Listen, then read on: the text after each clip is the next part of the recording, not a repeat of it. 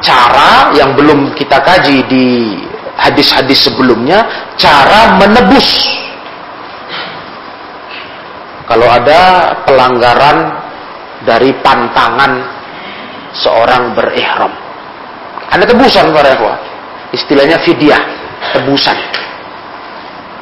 Supaya kita menutupi dosa kesalahan itu. Ada. Mari kita lihat hadis ini. Wa an Ka'ab bin Ujrah radhiyallahu anhu. Dari sahabat yang mulia Ka'ab bin Ujrah. Semoga Allah meridai beliau. Qala beliau berkata bercerita pengalamannya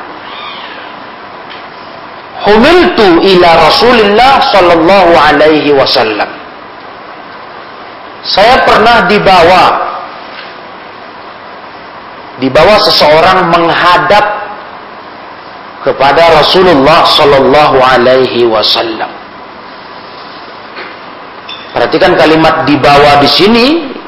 Ini kata ulama. Setelah nanti kita lihat kondisi beliau ketika dihadapkan kepada Rasulullah. Itu beliau lagi sakit. Jadi kalimat dibawa itu menunjukkan beliau tidak sehat. Sakitnya pun masuk kategori sakit yang berat. Syiddatil marad. Sampai perlu dibawa menghadap Nabi untuk bertanya begitu tentang masalah yang sedang dia jalani.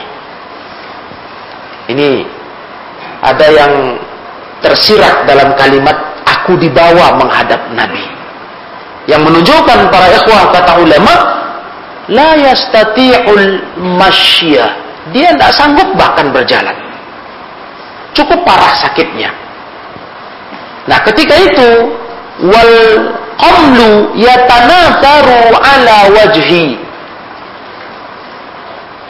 Al qamlu itu kalau diterjemahkan bebas dalam bahasa Indonesia kutu. Qamlu, kutu tapi rupanya ikhwah kalau kita lihat syarah di sini ini tak seperti terjemahannya. Nah, itulah butuhnya. Saya selalu ingatkan ikhwah. Kalau baca hadis jangan lepas dari syarahnya. Karena mengalih bahasakan saja pincang. Nanti pahamnya pincang.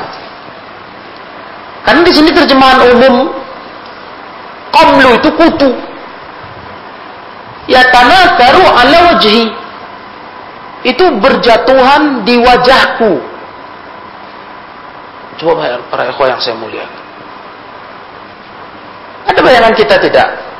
Kutu dalam arti kutu kepala sampai berjatuhan di wajahnya sahabat Ka'ab bin Ujrah dan itu menyebabkan penyakit parah baginya pemahamannya pincang. Loh bagaimana itu? Sekronis apa? Kutu itu bikin dia sampai parah betul. Buktinya parah, Nabi yang berkata, "Faqala ma kuntu ura al-waj'a balagha minka balagha bika ma ara." Kata Nabi, aku tak pernah terbayangkan sakit yang kau rasakan ini separah ini. Kata Nabi. Nah, coba artinya kita kan butuh butuh memahami yang betul para jemaah. Kalau kita artikan kutu dalam arti terjemah bebas, kita pun disuruh jelaskan ke orang. Coba jelaskan pengertian kutu yang dimaksud itu bisa sampai dia sakitnya begitu parah sampai Nabi Nabi SAW nggak duga. Nabi berkata, aku sampai nggak terbayangkan wajah sakitmu ini separah ini. Kita pun tidak pandai kalau disuruh orang Coba tolong terangkan ke saya contoh orang penyakit kutuan separah itu. Iya kan? Nah, oleh karena itu kita butuh syarah. Baik dalam menerjemahkan kalimat qamlu, kita butuh syarah. Itu makanya ikhwah jangan lupa Sudah terlalu banyak kerusakan sampai hari ini nggak berhenti berhenti di muka bumi dalam masalah memahami agama. Ketika seorang Muslim tidak merujuk kepada keterangan syarah ulama. Sudah terlalu parah, terlalu parah kondisinya. Bahkan memakan korban-korban baru. Ya, nggak cukup para jemaah kita baca hadis terjemah kok. Nggak bisa pincang nanti pahamnya. Bahkan kita yang baca pun bisa bingung sendiri kira-kira gambarannya di mana? Bagaimana? Contohnya ada orang kutuan kan itu bahasanya kutuan. Sampai-sampai Nabi menilainya wajahnya itu balagho bika ma'aro. Separah ini yang kupandang menimpamu kata ulama para jemaah mulia. Al-qamlu ternyata bukan kutu biasa seperti gambaran kita kalau menerjemahkannya. Tetapi al-qamlu di sini ini sejenis hasrah hasrah itu ya kalimat umum untuk segala macam jenis serangga. Hasrah tapi ini para ikhwah tatawallad alal badan inda daf'ihil ufunah ilal kharij. Ini jenis kutu ini itu muncul dari tubuh ketika tubuh itu membusuk. Itu dia rupanya jenisnya bukan kutu kepala. Jadi mungkin di kepalanya sahabat Ka'ab bin Ujrah itu sampai separah itu. Ada busukan-busukan yang mengeluarkan sejenis hasrah tadi, serangga komlu, nah, itu yang membuat dia sampai-sampai sakitnya berat. Itu saking banyaknya, itu sampai dikatakan dalam hadis dalam riwayat ini yatana karu ala wajhi. Itu berjatuhan di mukaku nah jadi jenisnya ini para jemaah yang mulia itu munculnya dari daging badan kita yang membusuk. Nah, ibaratnya kalau sekarang yang kita kenal kan kayak ulat berulat dia. Gitu. Itu yang dimaksud al-qamlu di sini. Jadi memang kronis kondisinya. Kalau sudah menyerang e, kepala itu kulit, ya betul membusuk yang mengeluarkan binatang ini. Parah betul. Maka Rasulullah SAW sampai begitu berkata, aku nggak bayangkan al wajah sakit yang kau rasakan ini separah ini balaghabika ma'ara sampai kayak gini kali kau kata Nabi iba Nabi sampai melihatnya para ikhwan nah Akhirnya Nabi bertanya kepada sahabat ini, Atajidu syatan. Kau punya kambing? Nah, ini tebusannya. Karena para ekor yang mulia, salah satu solusi menangani penyakit itu, dia harus menggundul kepala. Tidak boleh ada rambut. Sedangkan dia berihram. Orang berihram kita sudah tahu, pantangan berat itu. Menyengaja mencabut bulu tubuh, memotong.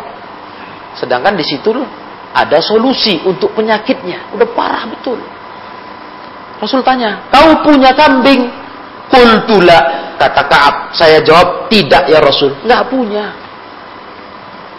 Nah, Qala fasum thalathata ayyam au at'im sittata masakin likulli miskinin nisfu sa' Rasulullah ngasih solusi. Kalau nggak ada kambing untuk nebus karena memang harus dicukur itu, dipotong habis, digundul. Biar cepat penyembuhannya. Jadi berarti dia harus secara darurat melanggar pantangan ihram. Kan begitu. Nah, karena nggak punya kambing Rasul kasih solusinya. Kau puasa tiga hari. Salah satu ayam tiga hari kau puasa. Atau kalaupun tidak mampu beri makan enam orang fakir miskin. Enam orang. Ukurannya satu orang miskin kau kasih makan setengah sok. Setengah sok sudah sering kita sebut-sebut hitungan sok ya. Apalagi menyangkut masalah uh, zakat. Kau sudah tahu, sok itu hitungan kasarnya tiga gram. Nah, 3, 3000 gram. Bukan 300, 3000 gram, 3 kilo. 1 gram, nah, 1 kilo 1000 gram kan begitu. Makanya karena memang ini hitungan kasarnya beda-beda ya. Sok jangan lupa beda-beda. Secara ukuran sok itu cidukan mut satu mut itu ah, satu cidukan dua tangan orang dewasa.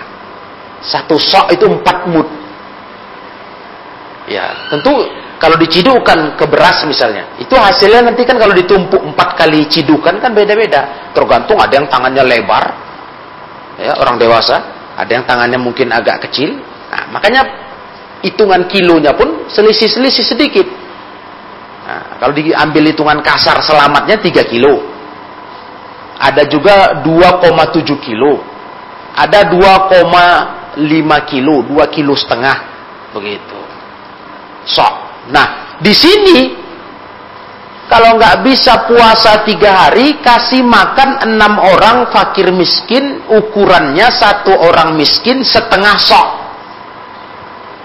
Berarti sekilo setengah kurang lebih. Nah itulah. Kalikan enam. Enam orang. Begitu. Ini hadis riwayat Bukhari Muslim. Muttafaqun alaih.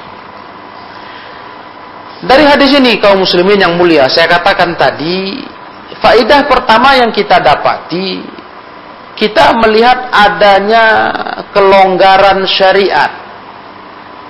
Adanya kelonggaran syariat untuk kita boleh melanggar pantangan ihram dikarenakan di sana ada kedaruratan. Makanya Islam ini kalau orang yang betul-betul belajar, dia sadar kali ini Islam agama yang sangat memberi kemudahan. Kalau yang belajar, sampai saya berani katakan, sudah sering malah saya katakan, malu kita kalau betul-betul tahu hukum Islam, malu kita jika masih berani berkata, kok berat agama ini dikerjakan. Malu. Ini udah sangat ringan. Kalau betul-betul mentok, nggak bisa sesuatu, ada solusi. Ya kan? Mengerjakan yang wajib, nggak bisa kita sesuai aturannya, ada solusi nggak bisa sholat tegak duduk, itu contoh. Begitu pula yang haram. Kalau darurat memang harus kita jatuh kepada yang haram, ada solusi. Silahkan.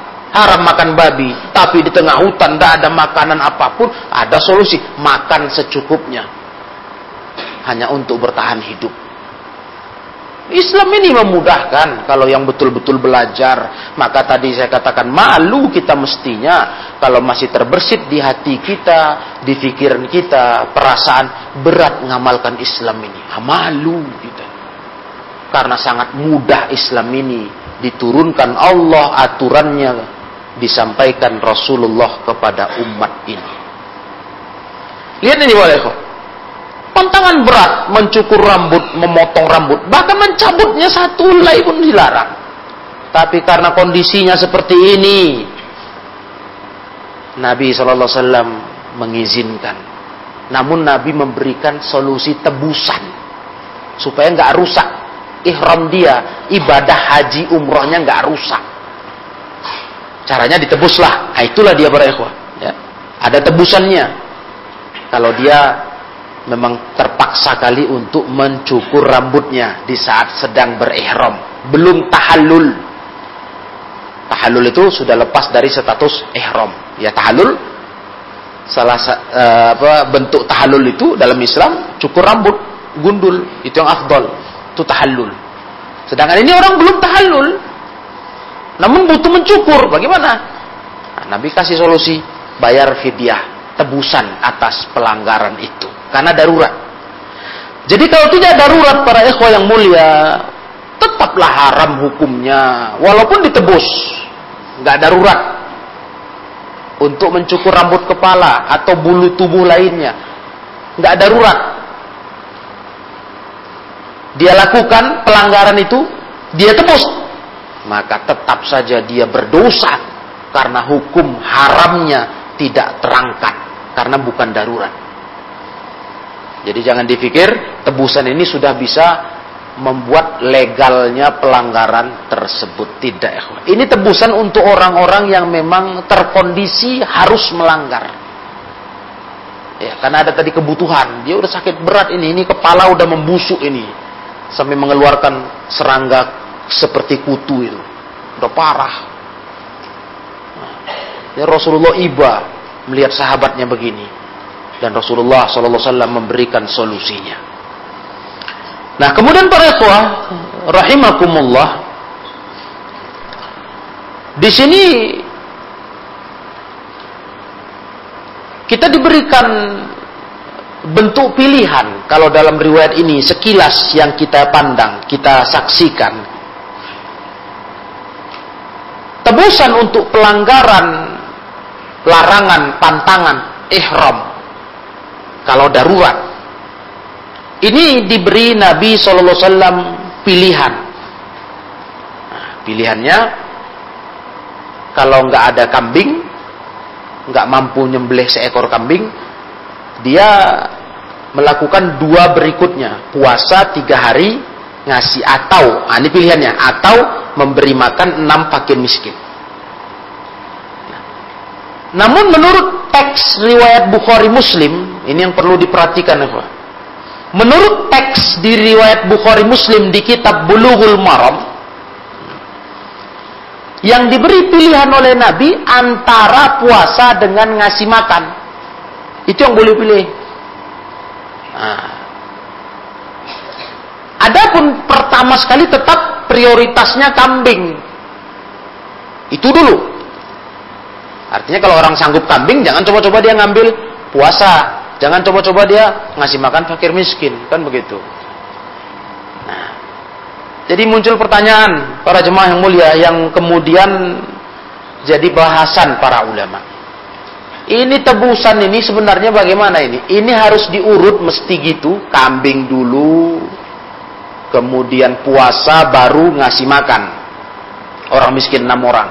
Atau memang boleh pilih, boleh diacak mana mampu, mana suka. Sedangkan ma'asyiral ikhwah, riwayat tentang ini Cuma jalurnya ini, jalurnya hadis Ka'ab bin Ujrah. Bagaimana ini? Nah, ternyata para ikhwah yang mulia, kita sedikit belajar ilmu hadis. Riwayat Ka'ab bin Ujrah ini, ini ada dua jalan periwayatannya. Yang pertama jalannya dari Abdurrahman bin Abi Laila. Abdurrahman bin Abi Laila menceritakan tentang kisah Ka'ab bin Ujrah. Dan di jalur pertama ini, ini memberikan faidah takhir, pilihan. Artinya tiga tadi, tebusan yang tiga tadi, mau kambing tadi, mau puasa tiga hari ngasih makan enam orang miskin, itu pilihan, bukan urutan tertib, enggak. Dipilih. Mau yang mana? Buatlah. Hanya saja ikhwah, hanya saja ya. Dari tiga itu, cuma satu yang boleh dikerjakan di luar tanah haram. Bahkan boleh dikerjakan di kampungnya di Indonesia, bagi masyarakat Indonesia. Yang puasa. Yang kambing, motong kambing, ngasih makan enam orang fakir miskin, itu harus di tanah haram. Kamu boleh pilih ini. Mana suka? Nah, lebih lebih rasanya enak dikerjakan yang mana? Lebih enteng. Nah, mungkin ada uang bisa motong kambing, nah, boleh. Atau ada uang tapi ah sayang saya saya puasa saja lah, boleh.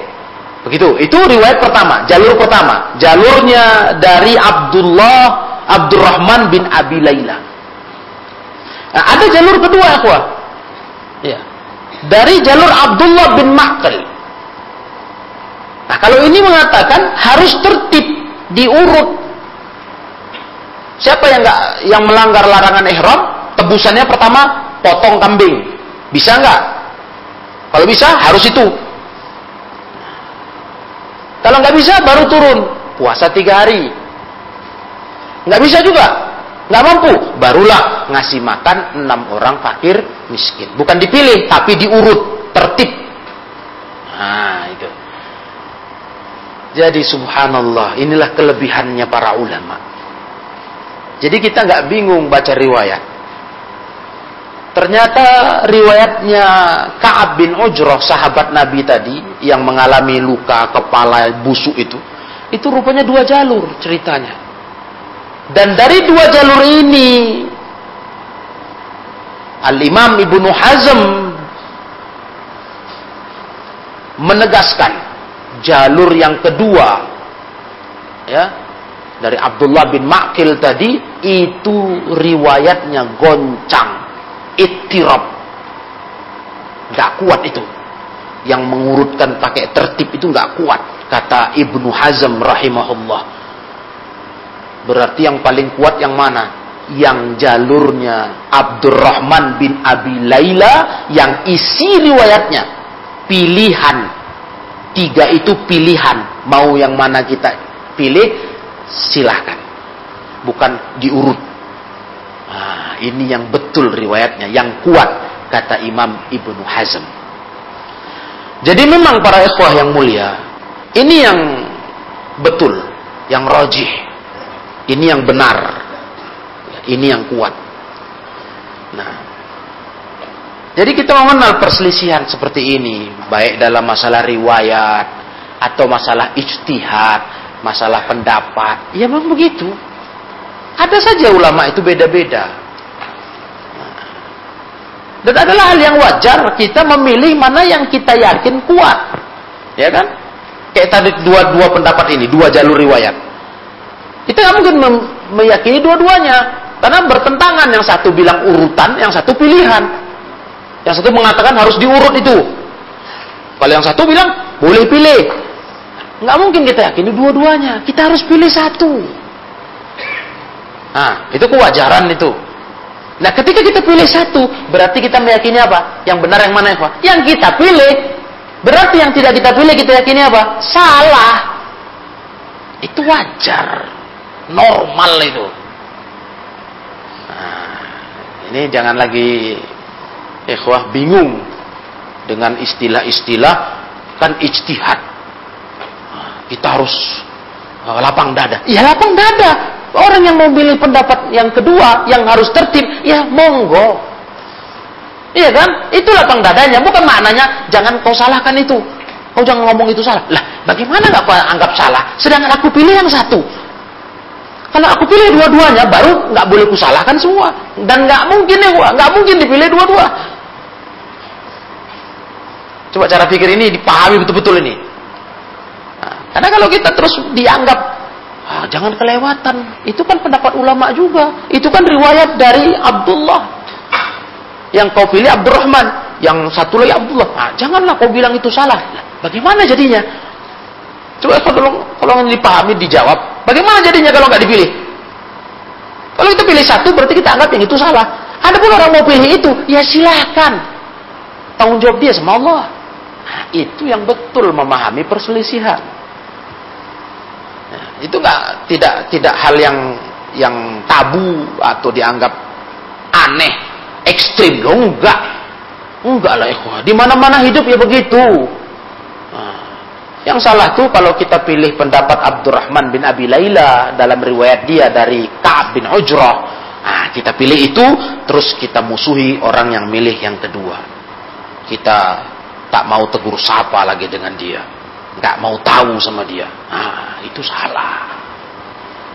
Adapun kita mengatakan itu salah, pendapat dia salah, ah itu benar. Iya kan? Ya cocok lah itu. Karena kita nggak mungkin memilih dua-dua. Ketika kita yakin satu, berarti yang satu lagi bagi kita salah. Salah. Sebagaimana di kitab-kitab ulama selalu begitu. Semua orang yang baca kitab perselisihan pendapat ulama mesti begitu. Walaupun dalam perselisihan yang mungkin merasa kita, ah kok gitu kali ya, ulama fulan. Ya memang begitu, itu memang begitu. Nah, itu sudah menjadi hal yang lumrah ikhwah dalam hidup ini. Ketika kita memilih. Nah, kayak pilih barang lah barang. Ketika kita disodorkan dua barang, sama-sama barang buatan, ah, bisa kita bilang buatan yang bermutu, mahal, ya, bukan barang sembarangan barang ini. Nah, kita pilih satu dengan segala pertimbangan kita pilih satu dan kita ditanya, apakah menurutmu yang kau pilih itu yang baik, yang betul bagus sehingga kau tertarik itu? Tentu kita jawab iya, iya betul lah. Berarti satu lagi kurang baik atau kurang menarik atau kurang cocok. Betul. Kan begitu ya, Itu wajar. Jangan terus kita katakan, jangan begitulah. Ini juga buatan mantap ini, nggak boleh. Kau juga harus yakin ini bagus. Ah, bagaimana ini? Ini orang membingungkan ini beragama. Nah, jadi itu kita kenal yang begini. Saya ajak ikhwah sesekali mengenal masalah hadis tentang jalur sanad supaya ikhwah terbiasa dalam hal hadis begitu, hal pilihan pendapat begitu. Jadi kita bukan ekstrim, bukan berlebih-lebihan, bukan ugal-ugalan beragama. Kalau kita berkata pendapat yang kita nggak ambil, pendapat yang kita yakin batil, salah, itu wajar. Kita fonis itu pendapat bid'ah, wajar. Makanya kita nggak ambil. Kita ambil yang yang sunnah, yang kita yakin ini yang sunnah. Ya wajar. Bukan bukan pula itu kerja kita ya. Itu udah kerja ulama dari dulu sampai hari ini. Wajar. Bagaimana enggak enggak begitu? Para ulama-ulama salaf dari dulu sampai sekarang. Ya begitulah mereka.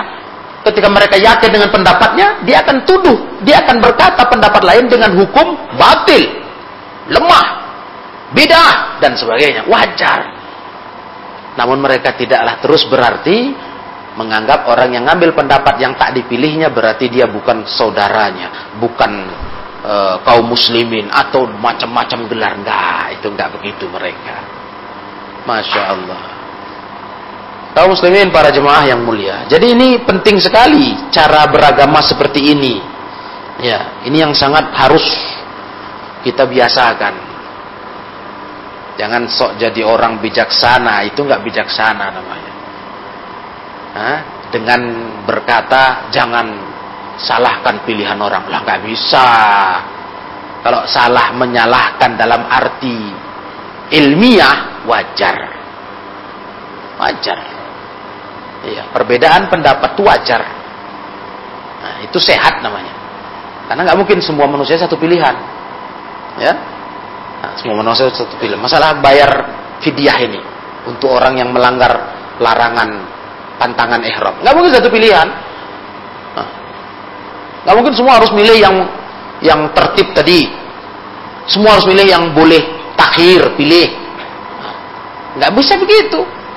Kadang beda-beda orang namanya cara pikir manusia ini kan gak standarnya gak sama kok. Beda-beda.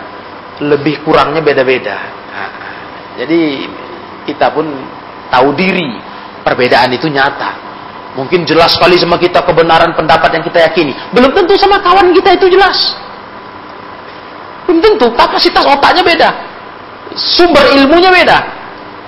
Makanya kita harus lapang dada. Ya sudah.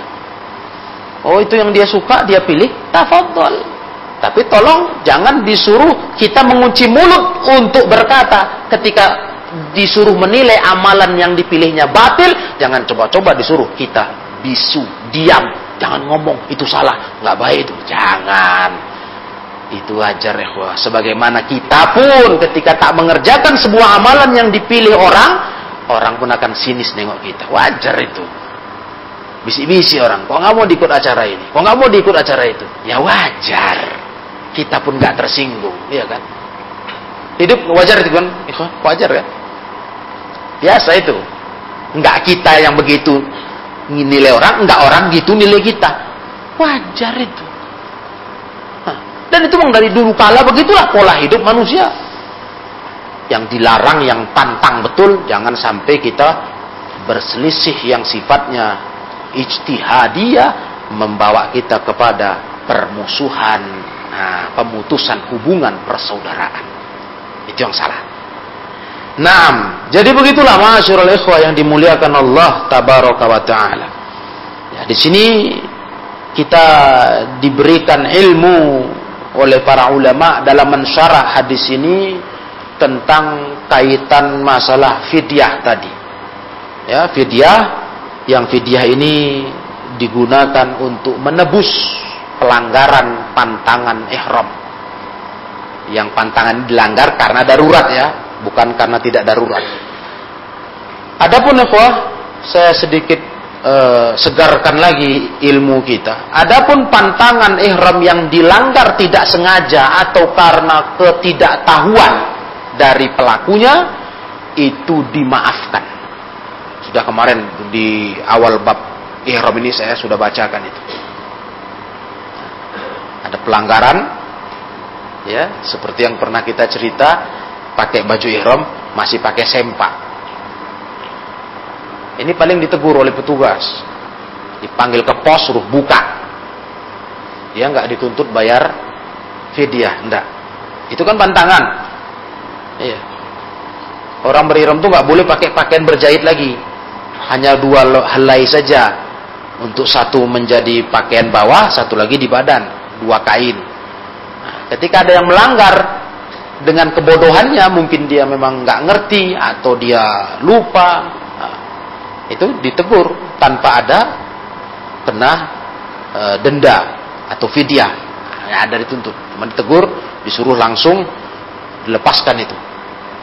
Nah jadi begitu. Nah ikhwan yang dimuliakan Allah tabaraka wa taala. Hayah kibar ulama di Saudi itu menjelaskan tentang apa yang disembelih jemaah haji ketika mereka mengamalkan haji. Status mereka berihram. Itu ada tiga macam.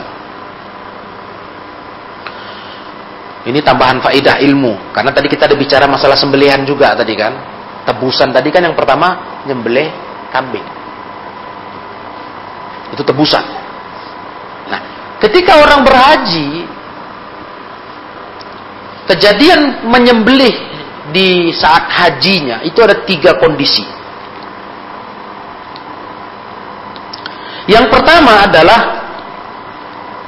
menyembelih karena dia memilih haji tamattu. Nah, itulah hajinya orang Indonesia. Haji tamattu. Atau haji kiram. Haji ifrat yang gak ada sembelihan. Kan tiga jenis haji tamattu, kiran, ifrat. Sudah lewat itu pelajarannya. Indonesia memang paling cocok untuk yang berangkat dari Indonesia ke tanah suci itu paling cocok ngambil pola haji tamattu. Paling cocok itu, paling tepat karena lihat waktu pengaturannya, lamanya di tanah suci, ah cocoknya ngambil tamattu. Nah, orang berhaji tamattu itu harus dia menyembelih hewan. Al-hadiyu. Harus. Nah, sembelihan yang seperti ini para ikhwah rahimakumullah boleh hukumnya dikirim ya, keluar tanah haram. Boleh. Makanya kalau ikhwah pernah dengar berita atau informasi itu hadiu jemaah haji ya, yang disembelih di musim haji ketika tanggal 10 Zulhijjah hari raya Idul Adha. Ini karena banyaknya jumlahnya ini ada program pemerintah tiap tahun dari Saudi Arabia mengirimkan daging-dagingnya itu ke luar daerah bahkan luar negeri ke daerah-daerah kaum muslimin yang membutuhkan. Seperti ke Afrika yang memang mereka kadang-kadang bahkan sering kondisinya sampai kekurangan makanan, kelaparan. Nah, ini dulu pernah dipertanyakan. Apa boleh begitu? Nah, dan itu para ikhwah hukumnya boleh jadi kita kalau menyerahkan ke pemerintah al-hadiyu kalau haji tamattu itu jangan khawatir pengelolaannya serahkan saja ke pemerintah. Sampai kepada masalah mereka mengirimkannya ke luar negeri karena memang banyak sekali sudah. Itu sesuatu yang benar. Apa dalilnya? Lajnah Daimah menerangkan tentang dalil itu. Dulu para sahabat ketika mereka berhaji mereka membawa daging-daging sembelihan di musim haji di Mekah dibawa mereka ke Madinah. Iya. Dan Madinah bukan tanah haram. Madinah, kota Madinah bukan tanah haram. Dibawa ke sana. Bawa pulang kampung. Karena mereka dari kampungnya berangkat ke Mekah haji. Ah, pulang kampung bawa daging. Jadi tidak ada masalah. Tanah daging-daging sembelihan itu keluar dari tanah haram. Tidak ada masalah, dikirim. Boleh para ikhwah rahimakumullah.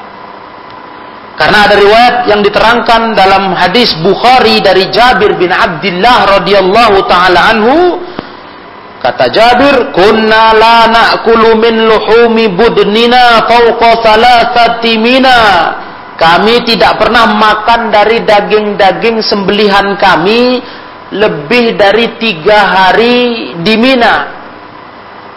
Jadi kalau udah tiga hari lewat, udah siap haji, ya sudah habis. Kami nggak makan lagi. Kalau masih makan kami daging-daging sembelihan di tanggal 10, itu paling lama sampai tanggal 13. Habis itu kami nggak makan lagi. Itu dulu. Kemudian farah khosolanan Nabi SAW. Nabi memberi keringanan untuk kami. Dan Nabi bersabda, "Kulu wa tazawwadu." Kata Nabi, "Makanlah sembelihan-sembelihan kalian itu dan berbekallah, simpan." Makanya dibawa ke Madinah. Itu hadis Bukhari. Nah, jadi boleh, wah. Nggak perlu kita uh, mempersalahkan atau protes. Nah, ini nggak cocok ini mestinya dipotong di tanah haram, habis di tanah haram, dimakan semua di sini. Tidak. Ya, tidak. Nah, dari sini pula lah para ikhwah yang saya muliakan. Bayangkan, untuk orang yang nyembelih di tanah haram saja, boleh dia menyimpan sembelihan itu. Boleh dia bawa keluar tanah haram, bawa pulang kampungnya. Bagaimana pula dengan kita yang berkurban di Indonesia ini? Hah? Kenapa kok malah ada yang berpikir, aduh sudahlah, hewan kurban yang kita potong di hari Idul Adha itu nggak usah disimpan-simpan lah, nggak usah. Dari mana pikiran itu? Sedangkan yang dipotong di tanah haram, Nabi perintah ke sahabatnya makan dan simpan, kulu watazawadu. Akhirnya karena pesan Nabi begitu, kata Jabir, fa'akalna watazawajna. Ya, tazawwadna Akhirnya kami makan dan kami berbekal. Bontot. Kami simpanlah, bawa ke Madinah. Makanya ikhwani fiddin yang mulia. Agama ini jangan dipakai ukurannya dengan akal kita. Jangan kita berpikir mau mengolah-ngolah sendiri. Kan kita menyembelih untuk kurban kepada Allah. Nah, sudah berarti habis-habiskan aja sudah. Tidak pantas disimpan lagi. Malah ada nggak mau tahu. Habis dia daftar kurban, sudah, sudah selesai sudah, nggak mau tahu dia. Gimana ya? Akhirnya sunnah berkurban pun tak dikerjakan. Sunnah berkurban apa? Kita menyentuh hewan kurban itu. Kita hadir di situ. Malah dia mengira itu yang utama. Karena itu kurban untuk untuk agama Allah, uh, mengamalkan perintah Allah. Habis sudah, kau semua tahu. Soal mau kepengen daging, ku beli, bisa ku beli. Bukan masalah bisa, Pak. Bukan. Bukan masalah engkau berduit. Gampang itu. Kalau pengen kali makan daging daging e, sapi, gampang aku beli aja. Yang kurban janganlah, nggak pantas ku simpan simpan katanya. Inilah agama, nggak pakai logika kita nakarnya. Nah, Nabi SAW bicarain dari wahyu inilah dari amanah Allah dan Allah tentu sangat senang kita jalani keringanannya. Ini keringanan, kemudahan dari Nabi kepada sahabat. Makanya sahabat langsung semangat. Semula mereka nggak mau begitu. Cuma makan sampai hari tashrik. Tiga hari Mina kan hari tasyrik. habis itu selesai haji, udah pulang Madinah kosong, nggak ada cerita bontot-bontot daging-daging yang dipotong itu, nggak ada. Tapi setelah Nabi bilang, makan dan berbekallah, kami makan, kami bekali diri kami, kami bawa pulang. Masya Allah, memang sahabat segera betul mengerjakan perintah Nabi Sallallahu Alaihi Wasallam. Nah, kemudian para sembelihan yang kedua. Itu sembelihan orang haji ketika dia masuk ke tanah haram nah, dan dia buat pelanggaran dalam kondisi berihram. Buat pelanggaran. Ya. Dia lakukan apa yang dipantangkan, itu yang tadi kita kaji. Nah, di sini dia harus bayar fidyah, tebusan.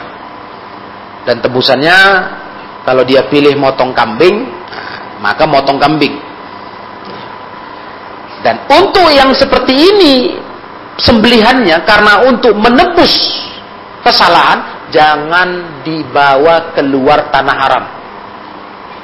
Beda sama yang tadi. Boleh dikirim ke negeri-negeri bahkan bukan hanya antar kota di luar tanah haram bahkan luar negeri dikaleng-kalengkan itu dikirim untuk bantuan makanan orang-orang muslimin yang susah Adapun kalau yang bentuknya tadi yang tadi kita baru baca hadisnya sebuah tebusan kesalahan potong kambing karena tadi mencukur rambut karena darurat. Nah, ini jangan dipindahkan dikirim ke luar tanah haram karena itu dikhususkan lil il haram untuk orang fakir di tanah haram. Gak boleh dibawa ke mana-mana itu. Dan itu sudah dipahami oleh petugas-petugas yang di bawah bimbingan pemerintah. Jadi ada orang nanti ngasihkan ke, kepada petugas-petugas e, penyembelihan e, kambingnya. Ada yang memang tujuan dia itu untuk hadyu. Ya di situ ada keterangan waktu nyetor uangnya.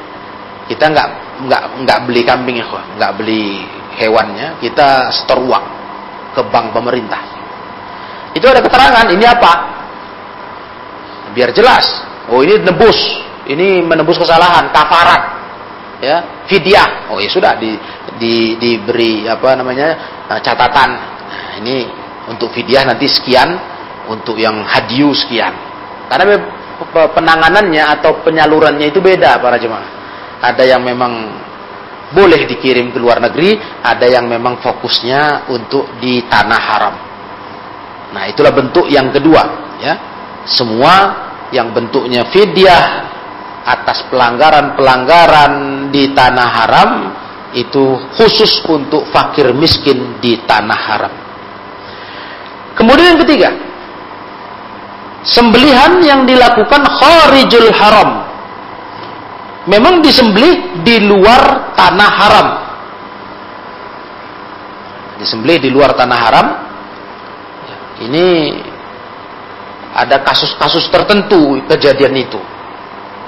Ya. Dia ndak ndak nggak bisa lah ya, untuk uh, berbuat yang normal, lancar ibadah hajinya. Kadang ada masalah kasus tertahan, ada masalah uh, yang lainnya. Yang memang terpaksa ini sembelihan yang harus dia sembelih. Apakah hadiu? Apakah uh, fidyah tadi kafaran? Itu terpaksa di luar haram. Tanah haram. Yang mestinya diharam tapi karena ada kendala-kendala yang tidak mungkin dia bisa hadapi tersembelihlah di luar tanah haram. Maka sembelihan jenis ketiga ini boleh dibagi ke siapa pun. Karena memang udah kasusnya di luar tanah haram ya yuwazza haitsu dzubiha dibagi kata ulama lajnah daimah dibagi di mana disembelih ya silakan. Memang mau dibagi untuk masyarakat yang di sekitarnya di luar haram tidak ada masalah. Sebab nyembelihnya pun udah di luar tanah haram.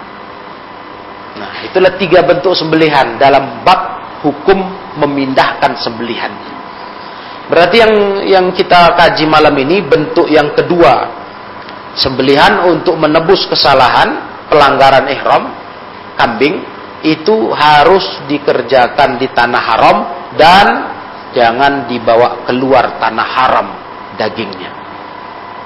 Nah, nah inilah ikhwah fidyah. Jadi kita tahu bagi ikhwah yang mungkin berangkat umroh nantinya atau haji di sana ada pelanggaran pelanggaran ihram yang yang terjadi mungkin karena faktor darurat ya. Nggak masalah. Islam ini memberi keringanan kalau ada kedaruratan. Ad-daruratu tubihul mahzurat yang darurat itu membolehkan yang dilarang. Ya sudah. Langgarlah nanti bayar fidyah. Tebus. Ya, dengan fidyahnya tadi. Kafarat mau kita pilih pada mana pendapat yang yang boleh pilih dari tiga itu antara kambing puasa tiga hari ngasih makan enam orang fakir miskin. Nah, lakukanlah. Silakan.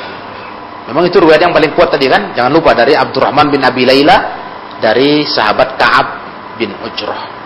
Nah, nah demikianlah kaum muslimin rahimakumullah.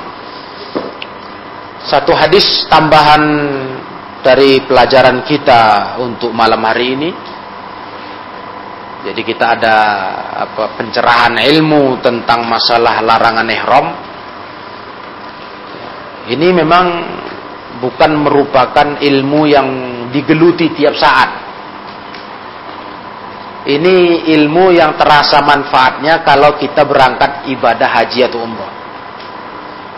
Tapi bukan berarti ya Ketika kita mungkin punya gambaran masih jauh lah kita mungkin mau ke sana kita terus merasa nggak butuh, nggak begitu. Ya, itu cara pikir yang nggak betul. Karena ilmu itu adalah sesuatu yang wajib untuk dipelajari setiap muslim. Wajib. Bukan hanya pada perkara ilmu yang kita sedang menjalani kasusnya. Enggak. Apa pun ilmu agama. Ini supaya menepis anggapan, ah saya belum butuh itu. Kayak ilmu zakat, ah saya belum butuh itu, saya belum kaya. Ya. Saya belum pengusaha. Apaan lah saya bisa bayar zakat harta kan? Nggak, belum, nggak belum butuh itu. Dengar ilmu haji ya, saya belum butuh itu. Kan ini keliru. Karena ilmu ini adalah berupa kewajiban yang harus dipelajari setiap muslim yang dengan mempelajarinya pahala. Dan dengan mempelajarinya kita berjalan di atas jalan menuju surga. Gitu. Nah, makanya ikhwah tidak ada istilah kita belajar agama ini dalam bab ilmunya pilih-pilih. Tidak. Ya, jadi memang ulama itu sudah menyusun dia ilmu-ilmu agama ini sesuai aturan urutan rukun Islam ya kita ikuti. Alhamdulillah. Secara hukum Islam, rukun Islam, ya, kita sudah masuk, sudah masuk kepada tentang masalah haji ke Baitullah Al-Haram. Kita sudah belajar masalah bagaimana uh, sholat, puasa, zakat. Ya, masya Allah, alhamdulillah. Ini merupakan kebahagiaan bagi kita yang merasakannya kita berkesempatan belajar agama Allah tabaraka wa taala dengan pemahaman yang benar. Ya, demikianlah kaum muslimin. Kita cukupkan sampai di sini. Wallahu a'lam bissawab.